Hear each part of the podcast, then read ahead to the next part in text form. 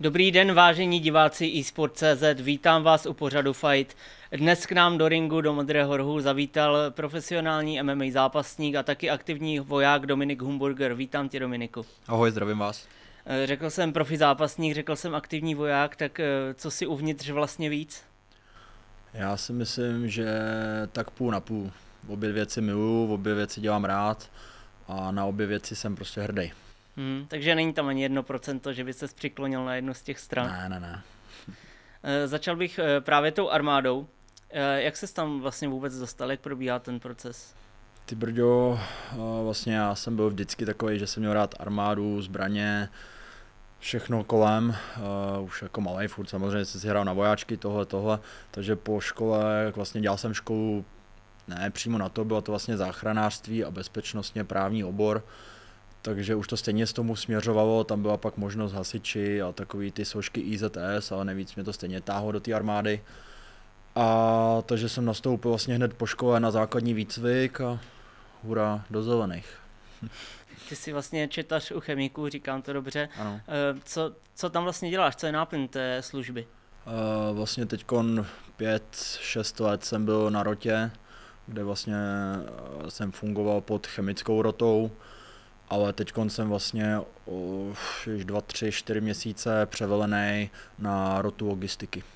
Mm-hmm. Je to práce na plný úvazek, dá se to tak říct? Uh, samozřejmě mám tam svoje, uh, jak to říct, svoje povinnosti, které musím plnit, ale armáda mi vlastně teď už trošku vyšla stříc, že i se můžu věnovat trošku i tomu sportu, takže jsem za to hrozně rád, že můžu to teď skloubit zase o něco víc a dát tomu nový level zase.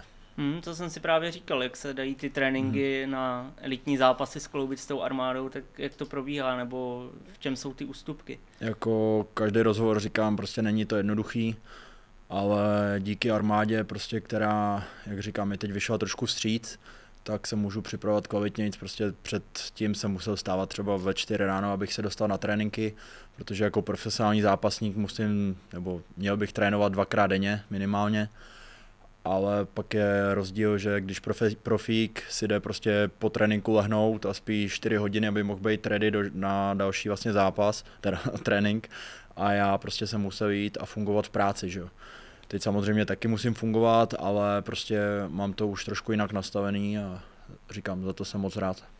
Mm-hmm.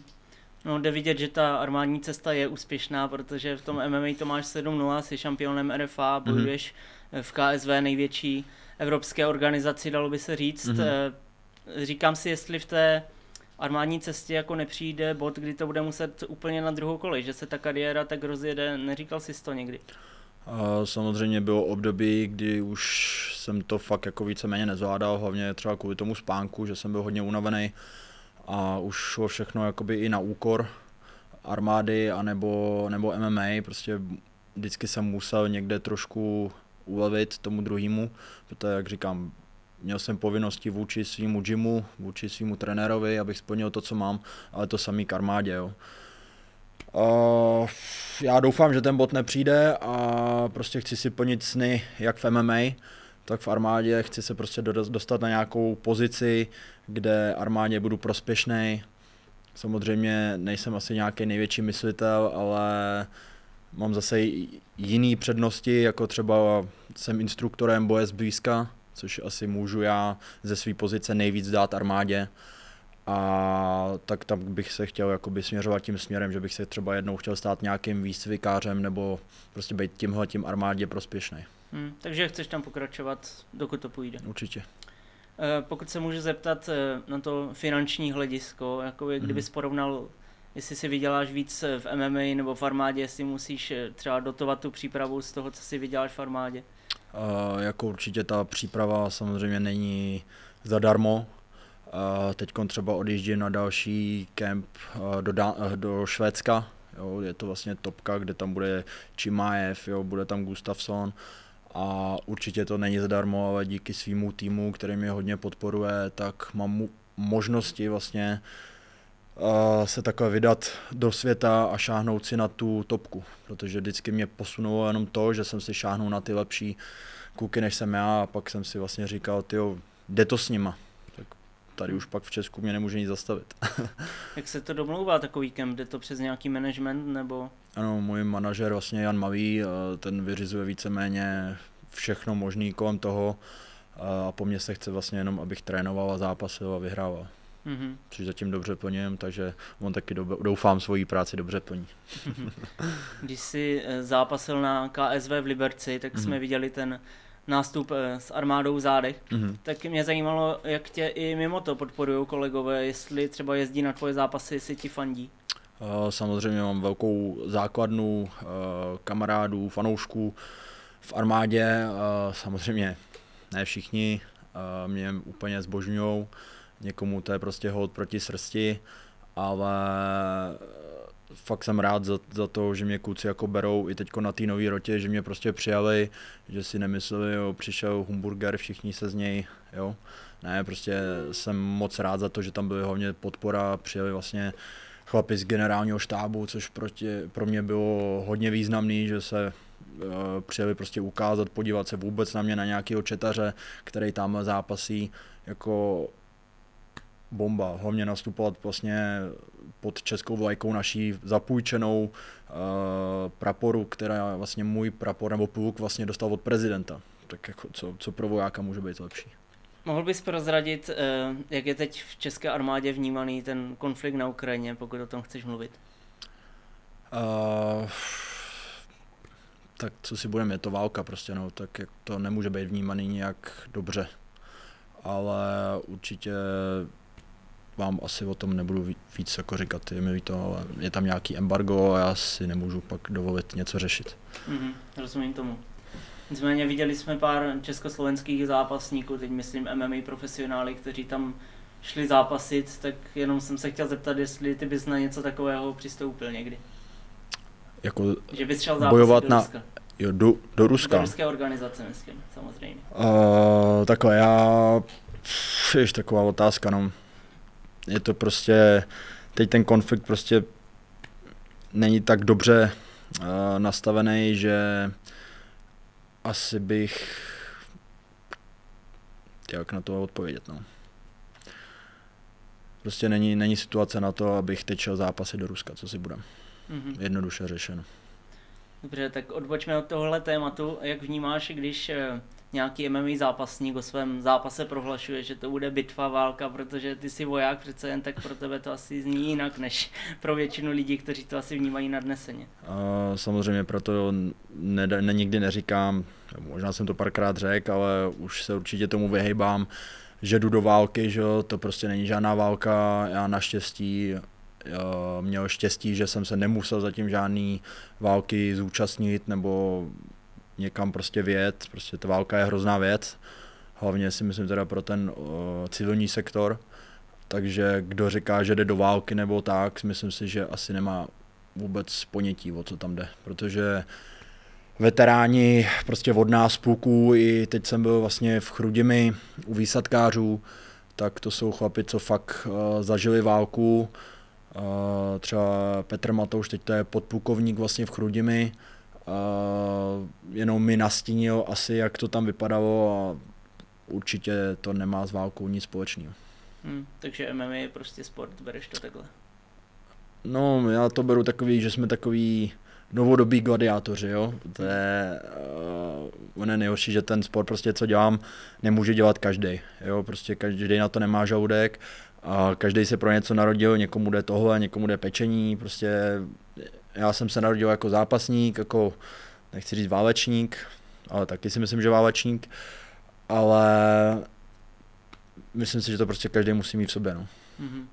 Co jsi z, z armády odnesl do klece nebo do MMA? Uh, určitě disciplínu, fyzickou připravenost, uh, je tam to hodně, prostě teď, jak jsem říkám, jak jsem uh, instruktor boje zblízka, taky nějaké zkušenosti od zkušených instruktorů, prostě co mají hodně toho za sebou, jako je to fakt hodně, hmm. určitě. A naopak je něco z MMA do té služby? Z MMA do služby? To, že jsem instruktor boje zblízka. Jako furt jsem voják, furt tam může se stát nedej bože nějaká věc, že by jsme prostě přišli do nějakého konfliktu nebo něco, tak MMA si myslím, že na boj zblízka, když dojdou náboje, je asi nejlepší, co může být. Mm-hmm. Jak to probíhá? Máš nějaké semináře pro větší skupiny? Nebo... Teď, řík, teď jsem se nedávno vrátil s Chrudimi, kde jsem vlastně byl na kurzu, je to bylo, byli tam jakoby i noví instruktoři tam začínali, nebo už se tam dělali nějaký obnovy těch instruktorských zkoušek. Vedl to vlastně hodně dobrý instruktor, který Protože oni jsou instruktoři dva typy. Jeden, který mluví ze svých zkušeností a druhý jenom, co má naučenou příručku. Tohle vlastně instruktor, co to ved Chrudimi, Hensel se jmenoval, tak uh, to přiblížil hodně té realitě, takže to bylo super, že jsem si od toho mohl vzít prostě co nejvíc.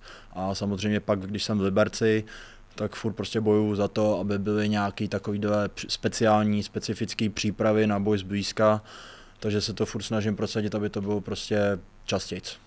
Mm-hmm. Předtím, než přejdeme k té sportovní kariéře, tak mm-hmm. ty jsi nám tady přinesl nějaké předměty, vždycky žádáme každého hosta, takže ti za Jasně. to děkuju. Eh, mohl bys popsat, eh, co jsi vlastně sebou přinesl a co to pro tebe třeba znamená? Uh, samozřejmě jsou to takové moje talismany, nebo věci vlastně, co mě doprovázejí na mý cestě MMA, tak uh, armádě, nebo celkově životem. Vlastně tam po levé straně ode mě, co vidíme, slony, mince, rukavice, uh, co tam ještě a jo, ještě vlastně talisman od dědy, to jsou vlastně takové moje uh, talismany, který si beru na každý zápas, plus ta vlajka, kterou jsem dostal od mého kamaráda z armády. To je vlajka, co fakt jakoby vysílá v Afganistánu.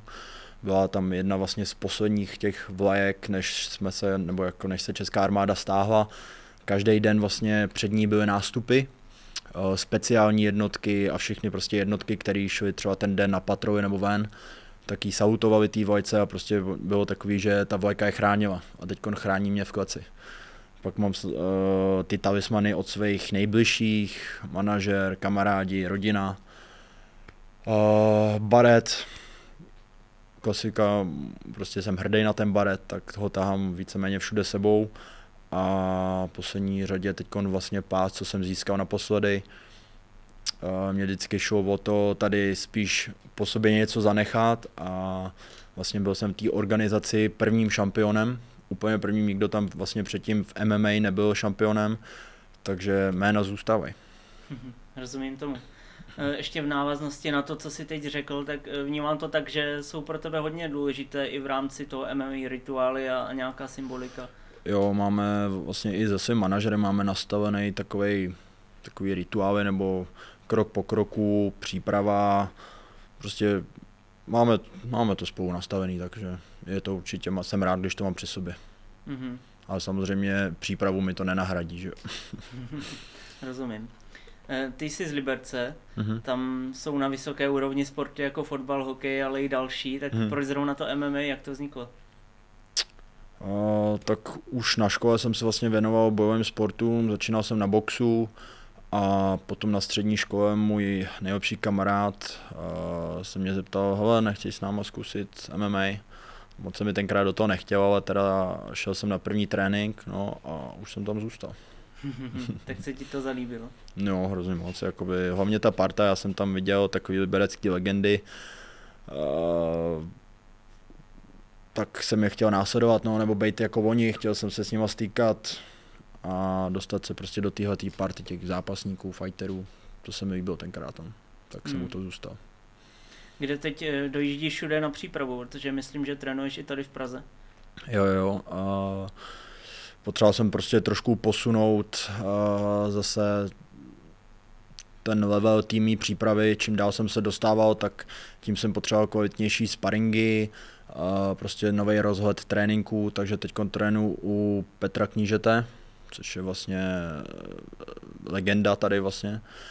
A mám v Liberci, mám jakoby hodně tam pod svým jakoby týmem, pod HS týmem trénuju, Goodfellas, MMA Liberec, eh, je tam toho prostě hodně a objíždím a si tenkrát ze mě dělali srandu, že mám víc trenérů než Conor McGregor, jo. Ale říkám, každý z nich mi něco dá a hodně mě to posouvá. A mhm. hodně mám okolo sebe tým, co je fakt do toho zapálený a není to jenom takový, no tak tady si dej trénink, a, ale prostě všechno je individuální, všechno je příprava na mě a hrozně mě to s nima baví, jsem za něm hrozně moc rád. Takže to stavíš hlavně na té pestrosti a aby to bylo zaměřené na, na tvoji osobu. Ty jsi zápasníkem eh, KSV, jak už jsme říkali, zároveň teda RFA, kde jsi šampionem. Mm-hmm. Je tam nějaká eh, smluvní dohoda, kde můžeš zrovna nastupovat, nebo jaké tam jsou podmínky v tomhle směru?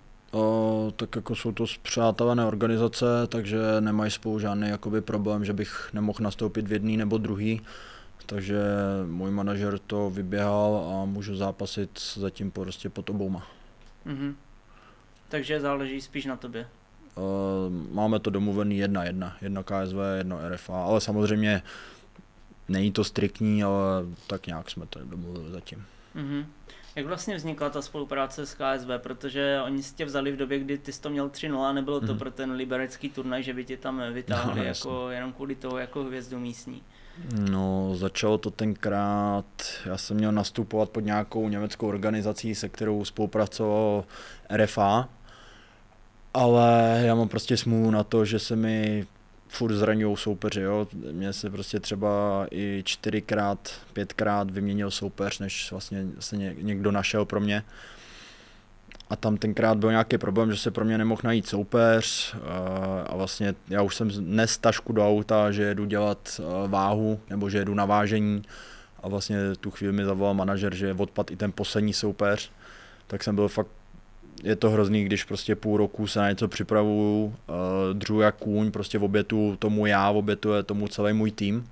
A pak najednou ze dne na den se týpek dva dny před zápasem zraní, jo, nebo prostě vím, že to je úplně nesmysl, prostě před týden před zápasem už se víceméně nespáruje. Samozřejmě může se stát cokoliv, je to MMA, nebo je to prostě příprava, tělo je unavený, ale prostě někdy to je až moc divný.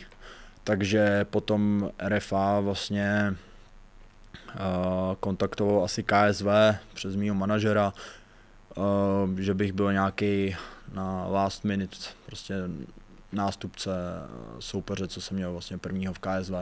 Byl jsem tam totální vlastně underdog, že, jak se říká. Takže to bylo spíš takový, aby si ten soupeř udělal zápas. Ale narazil. Chtěl se z toho dobře. No jak se s ním vlastně pracuje? To je pravda, že tobě často odpadávají ti soupeři, tak tam snad ani hmm. nemůže být nějaká konkrétní strategie, ne? A jako samozřejmě furt počítám s tím, že ten soupeř bude jaký je, když to teď hodněkrát nevyšlo, ale s týmem se prostě připravujeme nějak komplexně, jo. prostě může se stát cokoliv, já chci zápasit a nikdy jsem žádného soupeře neodmít, ani jsem od zápasu neostoupil, protože jsem si jistý svojí přípravou, hlavně nechci to zahodit ten čas a ty peníze, to všechno, co tomu dává i můj tým. Že? Takže jsme válečníci, tak jdem do boje. No ten minulý soupeř eh, o titul RFA, tak ten odstoupil snad nějak úplně na poslední chvíli, že se tam no, nějak nedohodli to, s managementem nebo co. To bych ani snad nekomentoval jako tady to. to prostě... Myslíš si, že se tě jako ti soupeři občas bojí, nebo proč odstupují takhle na poslední chvíli? To doufám. Já si dělám svoji práci dobře, no, tak, tak nechtěj, no. Nevím, Jasně. nevím, nemůžu, nemůžu soudit, fakt jako, ale říkal jsem na ten poslední, ten poslední soupeř prostě byly tam videa, jak se na mě těší, jo, jak mě zmlátí, jak je motivovaný a prostě potom ze dne na den, vlastně chvilku před zápasem, kdyby aspoň napsal mě třeba, hele, kámo, sorry, nedomluvil jsem se s ním, málo peněz, nebo prostě já nevím, něco si vymyslel, nenastoupím, jo, ale prostě je to takový úplně disrespekt ke svýmu soupeři. Já vlastně se připravuju na 100, on by se měl taky připravit na 100, aby jsme udělali hezký zápas, byli jsme si vlastně rovní a je to prostě špatně to, no. To hmm. není dobrý tady to udělat. Měl jsi za to aspoň nějakou kompenzaci, nebo? No, dalšího soupeře, no. Díky bohu, tady nastoupil. Eh, co máš v hlavě ten dlouhodobý cíl? Je to teď ten titul KSV, protože rozjete to Tomáš slušně. Uh, já mám cíl co nejdál, co nejvejš. Prostě co přijde, teď se soustředím hlavně na ten zápas, co teď bude a co bude pak to bude pak, ale prostě já musím krok po kroku a moje kroky prostě pak přivedou další ovoce, tak se budeme sklízet. Ale prostě teď nemůžu myslet na to, co bude, protože nejdřív se musím dostat přes tyhle soupeře. Mm, jasně.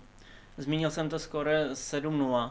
Já vím, že ty to asi moc neřešíš, ale někde vzadu v hlavě není ta myšlenka na tu neporazitelnost, že to pořád musíš jako obhajovat. A, protože mm. hodně zápasníků říká, že to je jako nepříjemné, že ve chvíli, kdy mají tu první porážku, tak to z nich jako spadne ta tíha, tak jestli to nějak řešíš. No, asi spíš myslím, že to musí být nepříjemný pro moje soupeře, než pro mě. Jo, pro mě to je spíš takový, mám 7-0, tak pojďte. Dodává ti to jako sebe Jasný. Dobře. E, ty bojuješ ve střední váze, kde se roky diskutovalo o tom, jestli je jednička česká, teda Carlos Vémola nebo mhm. Patrik hmm. Kincel. Jak ty si to vnímal jako z dlouhodobého hlediska? Teď samozřejmě Kincel vyhrál poslední zápas, hmm. ale z té dlouhodobé fáze. No tak jako titul nebo nejvyšší vlastně počet zápasů celkově držel Carlos, takže určitě jako Carlos. I když samozřejmě nikdo nemládne, tak se to obměňuje dost často, ale teď jako v Československu za mě jako Carlos. No. Hmm. V nejlepší formě myslíš, že by ho porazil naposledy? Patrika. Já to nemůžu soudit, to prostě Patrik teď prostě na něj našel, našel uh, lék, nebo jak se to říct. Jo, takže, nebo metodu udělal prostě jak nejvíc mohl a vyhrál. No. Hmm. Co k tomu dodat, prostě respekt. Přimíchá se do té diskuze o jedničku střední váhy jméno Dominik Humburger časem. To doufám.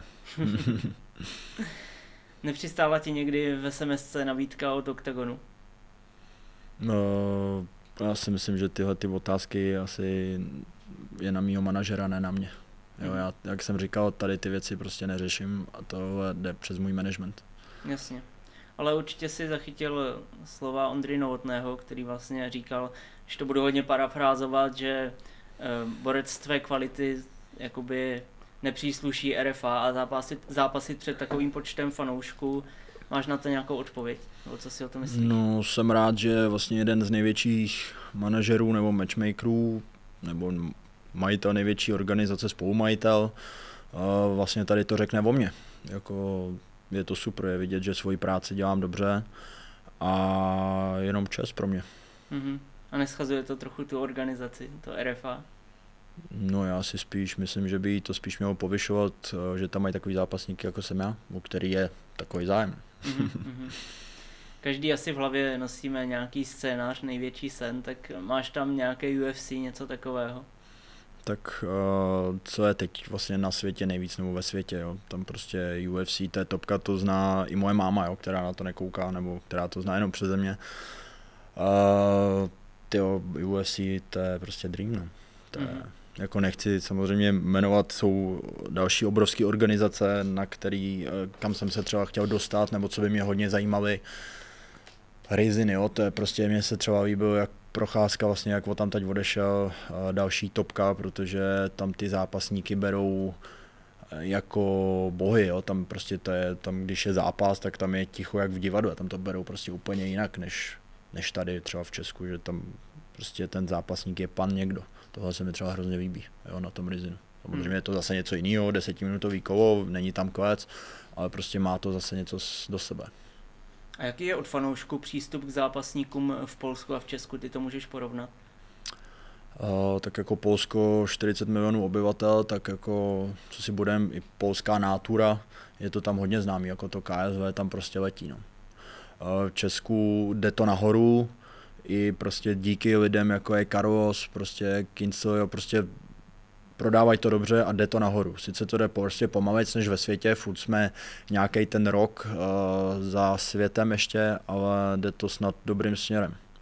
Hmm. Jo, prostě i vlastně novotnej tomu teď s tím oktagonem, prostě i jak se tady předhánějí ty organizace, jo, prostě je už o tom slyšet. Už to prostě nejsou ty zápasníci jenom takový uh, imbecilové, co se někde mlátí v klaci, že to nikoho nezajímá. Už to má prostě, začíná to mít úroveň. No. To je správným směrem. myslím, že to jde. A přístup nebo takový servis té organizace ve srovnání RFA a KSV vůči zápasníkům? Uh, musíš brát, že KSV je tady x let, mají to prostě najatý, jsou obrovská organizace, možná i vlastně největší v Evropě, jo, patří mezi topku ve světě tak prostě ty si nemůžou mít, nemůžou dovolit mít špatný servis. Eh, RFA prostě furt se učí, eh, je to mladá organizace, nová víceméně, tak samozřejmě tam jsou jako nějaký eh, chybky nebo chyba v organizaci nebo něco, ale věřím, že prostě postupem času to dají dokupy. No. Dobře, tak já ti děkuji za rozhovor. Já děkuji za pozvání. A vy můžete sledovat na eSport.cz další díl pořadu Fight. Mějte se.